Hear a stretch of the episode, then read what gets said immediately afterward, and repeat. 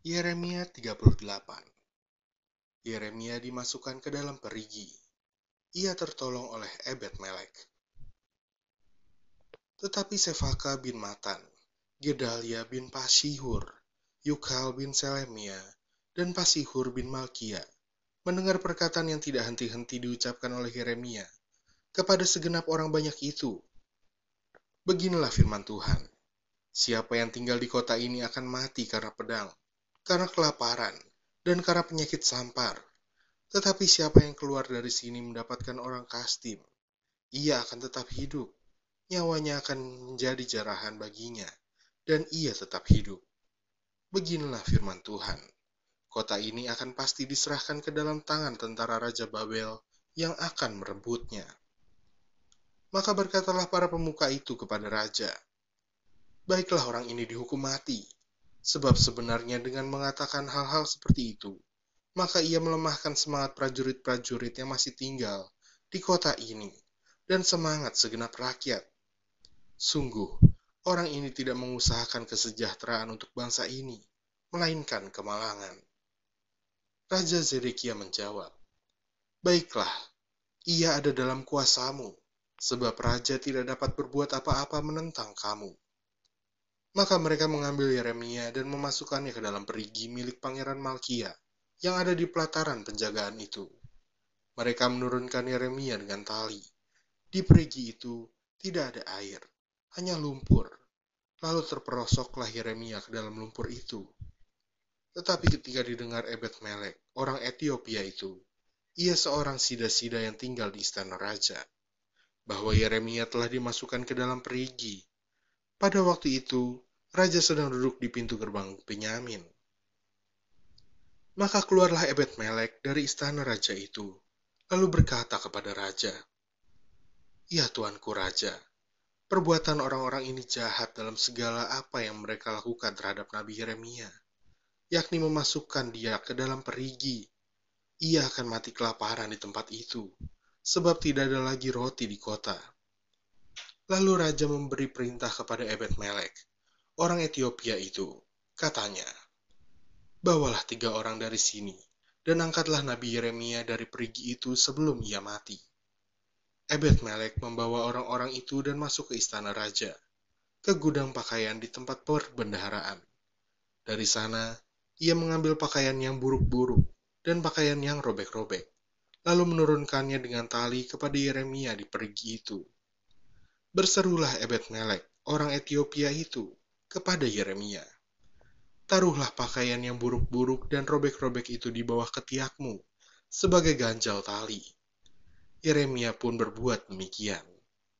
Kemudian mereka menarik dan mengangkat Yeremia dengan tali dari perigi itu.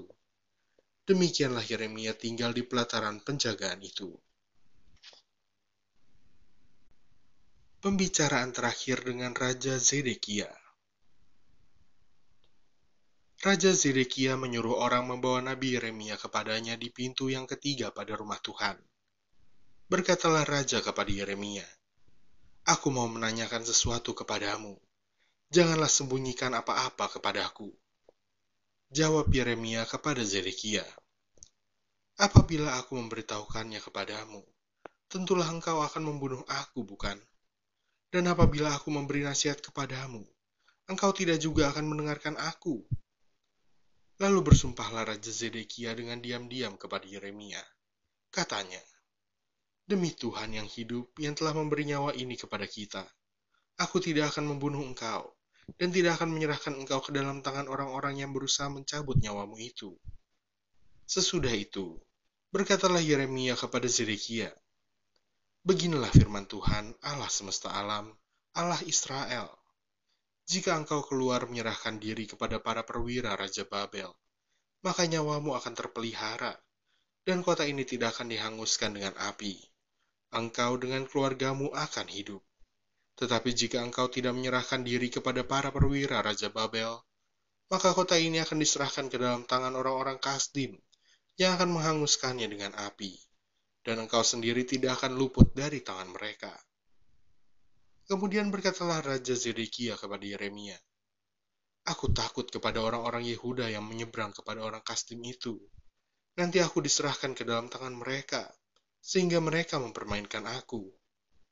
Yeremia menjawab, Hal itu tidak akan terjadi. Dengarkanlah suara Tuhan dalam hal apa yang kukatakan kepadamu. Maka keadaanmu akan baik, dan nyawamu akan terpelihara.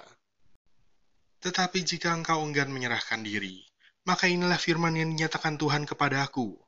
Sungguh, semua perempuan yang masih tinggal di istana Raja Yehuda digiring keluar ke hadapan para perwira Raja Babel sambil berseru.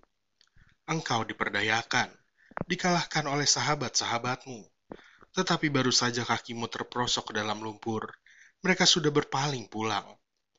Semua istrimu dan anak-anakmu akan digiring keluar ke hadapan orang-orang Kastim itu.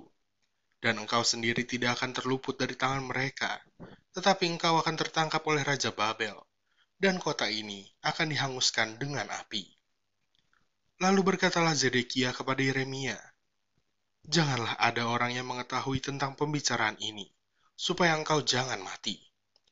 Apabila para pemuka mendengar bahwa aku telah berbicara dengan engkau, lalu mereka datang meminta kepadamu, beritahukanlah kepada kami apa yang telah kau katakan kepada raja, dan apa yang telah dikatakan raja kepadamu. Janganlah sembunyikan kepada kami, supaya engkau jangan kami bunuh. Maka haruslah kau katakan kepada mereka, Aku menyampaikan permohonanku ke hadapan raja, supaya aku jangan dikembalikannya ke rumah Yonatan untuk mati di sana. Memang semua pemuka itu datang bertanya kepada Yeremia, tetapi ia memberi jawab kepada mereka tepat seperti segala yang diperintahkan raja. Maka mereka membiarkan dia, sebab sesuatu pun dari pembicaraan itu tidak ada yang diketahui siapa pun.